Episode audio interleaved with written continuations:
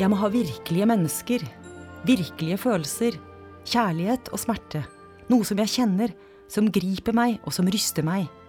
Jeg må se personene framfor meg, kjenne duften av dem, se fargene deres. Uten dette kan jeg ikke skrive en eneste note, sa Giacomo Puccini. Ja, kjære publikum, hjertelig velkommen til operaen og til Madama Butterfly. En opera som virkelig taler til hjertene, med kjærlighet og svik, trofasthet og utroskap, selvmord. Og som om ikke historien var nok til å få følelsen i sving, så er Puccinis musikk av mange regnet som hans ypperste. Jeg heter Marianne Aulevik, er pianist og skal fortelle dere om vår Madama Butterfly. Puccini var 17 år da han forsto at han var teatrets mann. Han ville bruke musikken til å beskrive følelser. I familien hans hadde alle menneskene vært kirkemusikere. Alle forventet at han også skulle bli organist eller kapellmester. Giacomo Puccini var yngst og hadde seks søstre. Faren døde tidlig, og familien levde i fattigdom. Men moren hadde klokkertro på sitt yngste barns musikalitet og lot ham få undervisning i orgelspill. Ikke lenge etter vikarierte han i de mange kirkene i Lucca, der han vokste opp. Om kveldene spilte han i danseband. Han måtte jo hjelpe på økonomien, han som var gutt. På konservatoriet i Lucca ble han kjent med Verdis vidunderlige musikk, og en dag gikk han og to kamerater til Pisa og hørte Aida.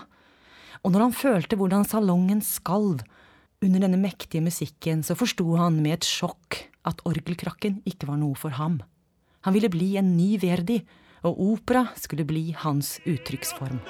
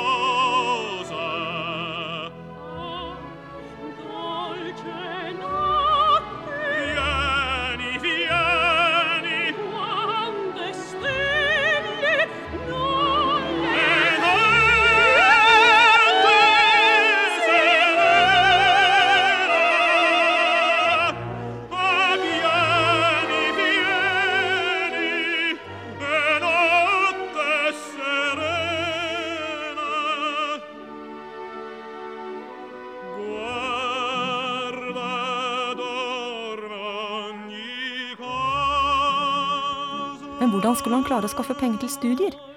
Fem år tok det før moren hadde skrapt sammen nok. Han fikk stipend av dronningen og litt hjelp av en slektning, og tre år i Milano gjorde susen, selv om han både var fattig og sulten. Alle hadde stor tro på ham, selv om læreren hans, Poncieli, syntes han var en underlig skrue som hver dag kom med to sider musikk så fulle av blekkflekker at man knapt torde å kikke på dem, sa Poncieli. Han kom hjem til Lukka som seierherre, og fra nå av gikk karrieren bare oppover.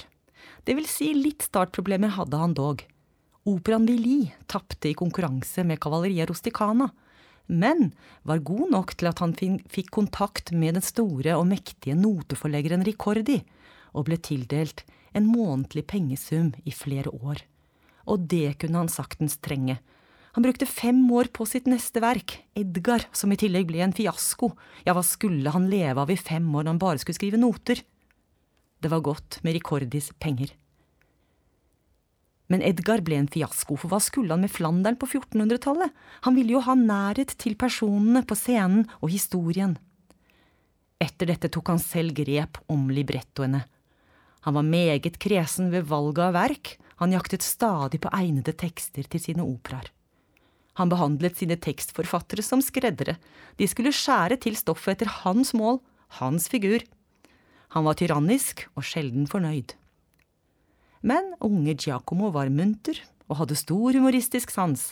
Han var en dreven kvinneforfører, velkledd og vakker, etter hvert også rik og berømt. Han gjorde tidlig skandale i Lucca ved å bli sammen med Elvira Bontori, som var gift med en av hans beste venner. De måtte nærmest flykte fra lukka, folk var opprørt. De slo seg ned ved en liten innsjø i den lille fiskelandsbyen Torre del Lago. Her kunne han drive med jakt, som var yndlingssporten, og kjøre bil i fjellene. og innimellom måtte han krangle med Elvira som viste seg å være en energisk, men akk så sjalu kvinne. Hun kunne få raserianfall med påfølgende langsinte perioder og hysteriske utbrudd, hun kunne anklage folk for både det ene og det andre. Som vi forstår, et brokete privatliv som tok mye tid. Så derfor brukte han så lang tid på hver opera at han bare skrev tolv. Vi ville gjerne hatt flere operaer av denne mannen, Verdi skrev 40. Sjalusi kan ta mye tid og krefter. Hans tre store operaer kom med fire års mellomrom. La Bohème i 1896, Tosca i 1900 og Madama Butterfly i 1904. Han hadde akkurat avsluttet Tosca da han reiste til London for å overvære førsteoppsetningen av den, og gikk samtidig i teatret for å se David Belascos skuespill Madama Butterfly. Da kvelden var over, gikk Puccini raskt bak scenen, kastet seg om halsen på Belasco og tagg om rettighetene. Han, som ikke forsto et ord engelsk, hadde forelsket seg i den lille geishaen og hennes person, hennes tragiske historie. Belasco forteller at han fikk rettighetene med en gang, for det er jo umulig å diskutere business med en impulsiv, gråtende italiener hengende om halsen. Belasco hadde skrevet sitt skuespill over en historie av John Luther Long, og denne Long hadde en søster som hadde bodd i Japan som metodistprestefrue i flere år, og hadde kjent den virkelige Butterfly. Hun var nemlig naboen hennes. Madama Butterfly ble hun kalt fordi hun hadde et sånt elskelig vesen, men hun ble altså sviktet av sin elsker, som hun hadde et barn med. Japan hadde vært et lukket land, men i 1853 åpnet de sine havner for handel og diplomati. Etter dette ble japanske ting populære i Vesten. Vifter og kimonoer, lakkbokser og brosjer. Man fikk også litterære verk som handlet om eksotiske kvinner som forelsket seg i vestlige menn. Ofte ble de sviktet og ble veldig skuffet. Møtet mellom ulike kulturer var ikke så enkelt. Ikke da, og ikke nå. Også i virkeligheten var midlertidige koner en trist realitet i Japan på slutten av 1800-tallet. På denne måten kan man trygt si at både fantasi og virkelighet bygger operapersonen Madama Butterfly. Puccini ga Belascos skuespill til sine tekstforfattere for å gå i gang med å klippe og lime. Selv gikk han grundig til verks for å skape et japansk miljø, uten å miste sitt eget særpreg, de deilige melodiene og det talende orkesteret.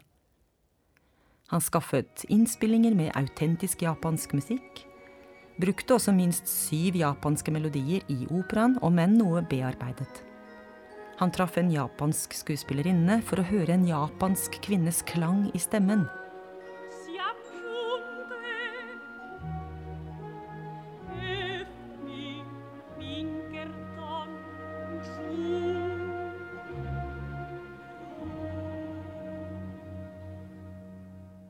Han leste bøker om japanske skikker, religiøse seremonier. Han brukte også den pentatone skalaen for å gi et japansk inntrykk, og han brukte heltoleskalaen. Etter fire år var arbeidet klart. Ingenting ble spart på i selve produksjonen, og Puccini var overbevist om suksess. Så overbevist at han hadde invitert slektninger i salen, noe han vanligvis unngikk. Orkesteret hadde gitt ham stående applaus på siste prøve. Men Madama Butterfly ble en like stor fiasko som La Traviata og Carmen. Folk høyet og skrek, kom med tilrop, gned seg i hendene, endelig en fiasko for Puccini. Det rare var at det hele startet umiddelbart, noe som kan tyde på at det var organisert, kanskje av rivaler og fiender. Da Puccini hørte skrikingen, ropte han høyere, høyere, bare skrik, svin, dere skal nok få se hvem som har rett, dette er den beste opera jeg har skrevet. Så gikk han til dirigenten, tok partituret og avlyste alle de kommende forestillingene. Til vennen skrev han Vær ikke redd, Madame Butterfly er fylt av liv og sannhet, og hun stiger snart opp fra de døde. Det sier jeg holder fast ved en urokkelig overbevisning. Og tre måneder senere hadde en revidert Madame Butterfly premiere i Brescia. Med strålende suksess, og slik har det jo vært siden. Etter annen verdenskrig overga Japan seg betingelsesløst, og amerikanske styrker ble landsatt. Okkupasjonen varte helt til 1952, da Japan fikk sin suverenitet tilbake. I denne perioden kan man tenke seg at det oppsto mer eller mindre faste forbindelser mellom japanske piker og amerikanske menn. Prostitusjon hadde lenge vært tillatt, og de prostituerte var sosialt akseptert og hadde til dels høy status. Geisha-tradisjonene ble holdt i hevd. Geisha-pikene kunne synge, danse, servere. Noen ganger var de også prostituerte, men slett ikke alltid. Og det er denne etterkrigstidens Japan som vår regissør Steven Langridge og hans scenograf Alison Chitty har tatt utgangspunkt i. Ved hjelp av projeksjoner og en profesjonell skuespiller på scenen starter vi med å bli kjent med Butterflies barn, Sorg. Han er en voksen mann som er vokst opp i Amerika med sin far, Pinkerton, og dennes nye hustru. Han husker svært lite av sin biologiske mor, madama Butterfly. Men nå har han vært i begravelse, sin fars, Pinkertons, begravelse. Han kommer med en krans, og så blir han besatt av å finne ut noe om sin biologiske mor. Hva gjorde de med henne? Hvorfor har jeg aldri truffet henne? Hvordan oppførte de seg mot henne? Hva skjedde med henne? Og på et tidspunkt så ser vi at han leter og leter i gamle fotografier. Han leter, han finner ikke det han leter etter, og hva er det han leter etter? Jo, han leter selvfølgelig etter bilder av en eldre Madama Butterfly, og det finner han ikke. Vi befinner oss altså i Japan, like etter annen verdenskrig, nærmere bestemt i Nagasaki. Det er grått, det er trist, vi ser et dødt tre. I gulvet er det flere elementer som kan sparkes opp, og vi treffer Goro, som er ekteskapsmegler og altmuligmann. Han har ordnet det forestående bryllupet mellom kaptein Pinkerton og geishaen Chuchu-san, hun som blir kalt Butterfly. Goro har også ordnet hus til det blivende paret. Pinkerton er fornøyd, huset er fleksibelt, veggene kan flyttes og stuen er i fri luft. Pinkerton forteller i sin første arie at han setter nytelsen og lysten først. Han kaster sitt anker på lykke og fromme. Livet er bare verdt å leve når han erobrer overalt, og han er jo i mange havner, i og med at han er marineoffiser. Den første bryllupsgjesten som kommer, er Sharpless, den amerikanske konsulen. Du presenterer et lettsindig evangelium, mener Sharpless, som gjør hjertet kaldt som is. Hva går det av deg? spør han, er du virkelig forelsket? Tja, svarer Pinkerton, det kommer an på hva du mener. Hun har forhekset meg, som en skikkelse malt på et skjermbrett.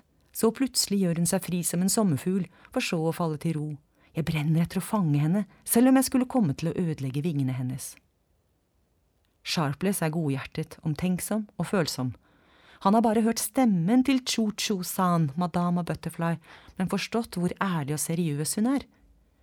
Det ville være synd å brekke disse delikate vingene, og dermed ødelegge et tillitsfullt hjerte, synger Sharpless. Rolig, rolig, sier Pinkerton.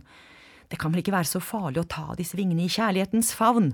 La oss heller skåle for den dagen jeg feirer bryllup med en ekte amerikansk brud. Bevo alla vostra famiglia lontana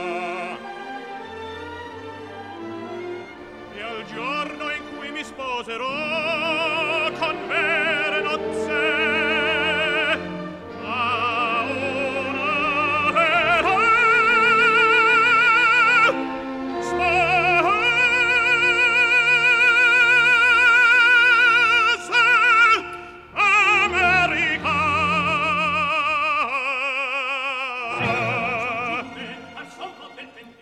Så høres et kor av damestemmer, og Butterfly med venninner og slektninger nærmer seg. Butterfly forteller at hennes familie en gang var velstående, men selv det mest robuste tre kan bli knekket i virvelvinden. Vi måtte bli geishaer for å overleve. Mennene gjetter hvor gammel hun er. 15 år. Bare et barn, men samtidig gifteferdig, konkluderer de.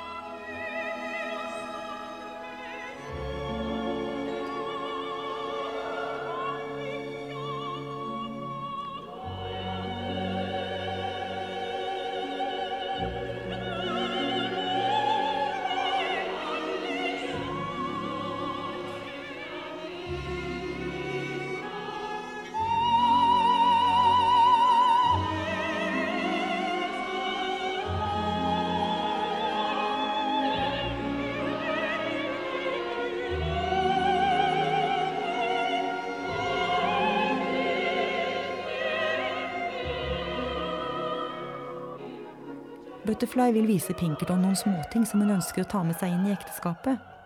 Puccini var nøye med detaljene, små ting betydde mye.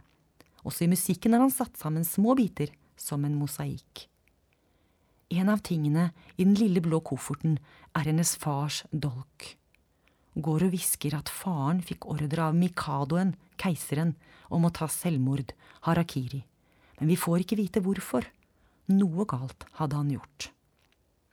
For å tekke sin mann har Butterfly vært på misjonen for å frasi seg fedrenes tro. Hun vil knele i samme kirke som Pinkerton.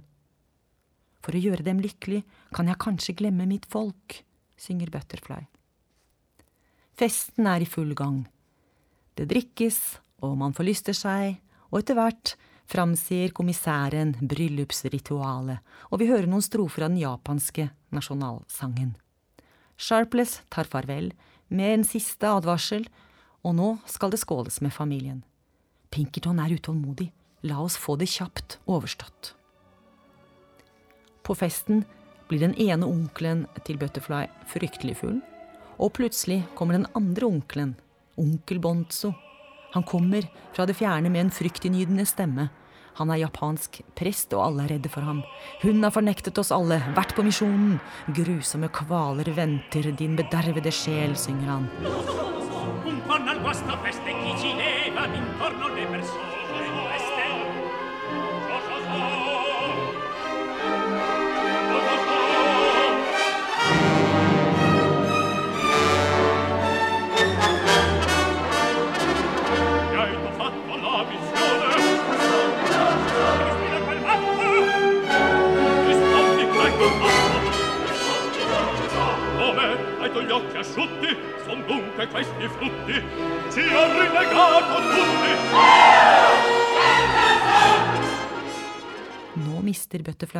Fotfestet. Flere lemmer fjernes i gulvet.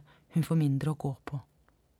Pinkerton jager alle, etter at samtlige har vendt seg mot den gråtende Butterfly. Nå er hun alene og utstøtt, Rinnegata, men lykkelig.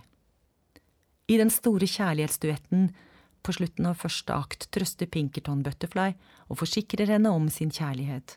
Elsk meg litt, synger Butterfly. Vi er vant til små ting, ydmyke og stille, vant til ømhet. Lett, men likevel dyp som havet. Anakt foregår tre år senere. Butterfly og hennes hushjelp, Suzuki, bor alene etter at Pinkerton har forlatt Butterfly.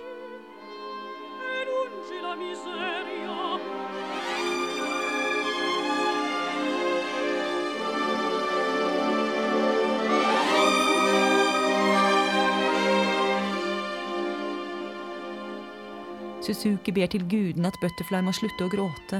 De er fattige, nøden er nær. De krangler om hvorvidt Pinkerton kommer tilbake eller ikke. Butterfly er urokkelig i sin tro. Han har jo lovet å komme når rødstrupene bygger rede. Hør, når han kommer vil vi se skipet som en røkstripe i det fjerne. Jeg skal gjemme meg, og han vil kalle på meg. Hold din frykt for deg selv, Suzuku, jeg venter på ham. Det banker på døra, og inn kommer ikke Pinkerton, men Sharpless. Han kommer med et brev fra Pinkerton. Men han kommer nesten ikke til orde, så ivrig blir Butterfly. Å, du er den snilleste mannen i hele verden. Butterfly forteller at Goro har prøvd å gifte henne bort til den adelige, rike Yamadori, og her er han.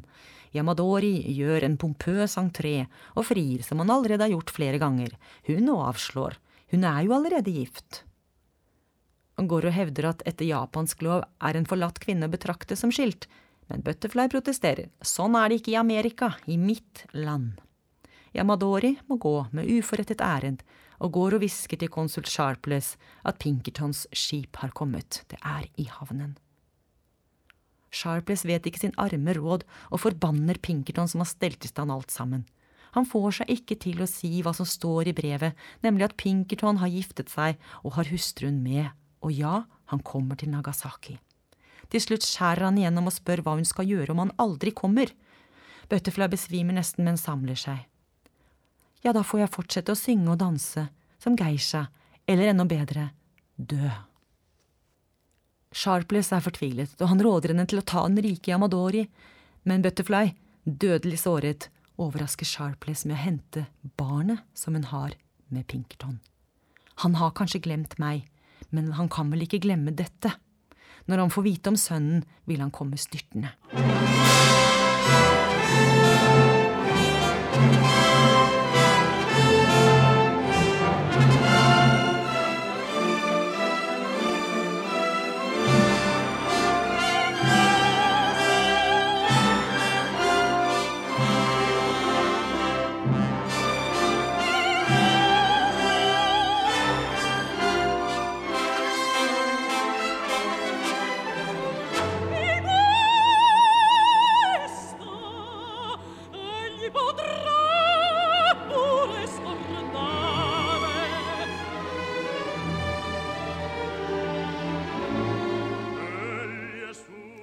Kanonskudd høres, og Butterfly ser at det er Pinkertons skip. Alle tok feil. Kjærligheten har seiret. Han har kommet tilbake til meg. Og så setter hun seg for å vente, hele natten om det trengs. Men først har Suzuki og Butterfly pyntet huset, og de har pyntet Butterfly. Hun har tatt på seg brudestasen, barnet er sminket og pyntet. Men natten er lang. I et stort intermezzo, der orkesteret spiller, får vi se hvordan Butterfly, utslitt, fantaserer og drømmer om hvordan hun skulle ha blitt tatt imot av mor og far til Pinkerton, som en elsket svigerdatter med det fine lille barnet. Neste morgen er Butterfly utslitt, og Suzuki ber henne gå og legge seg. Ikke lenge etter banker det på døra, og inn kommer Pinkerton og Sharpless. Suzuki tar dem imot og blir samtidig klar over en kvinne ute i gangen. Pinkerton er så feit at han bare sier det er en som er med ham, mens Sharpless sier sannheten, det er hans kone, Kate. I en vakker trio blir det klart at Pinkerton ønsker å ta til seg barnet, og Kate Pinkerton lover å oppdra ham som sin egen. Pinkerton er full av anger, men hva hjelper det? Alt er slutt for den lille, sier Suzuki.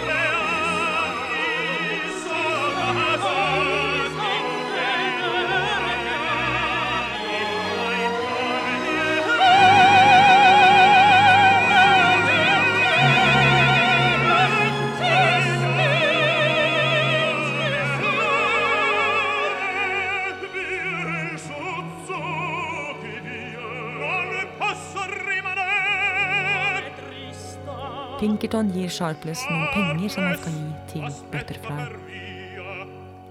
Og hun forklarer ham at hun trenger ikke disse pengene. Ja, men får jeg se deg igjen, sier Sharpless, han er nok veldig glad i Butterfly. Ja, kom om en halv time når dere skal komme og hente barnet. Da vil du treffe meg igjen, sier hun megetsigende. Men hun har jo dolken fra sin far, og der står det Her dør den med ære som ikke lenger kan leve med ære.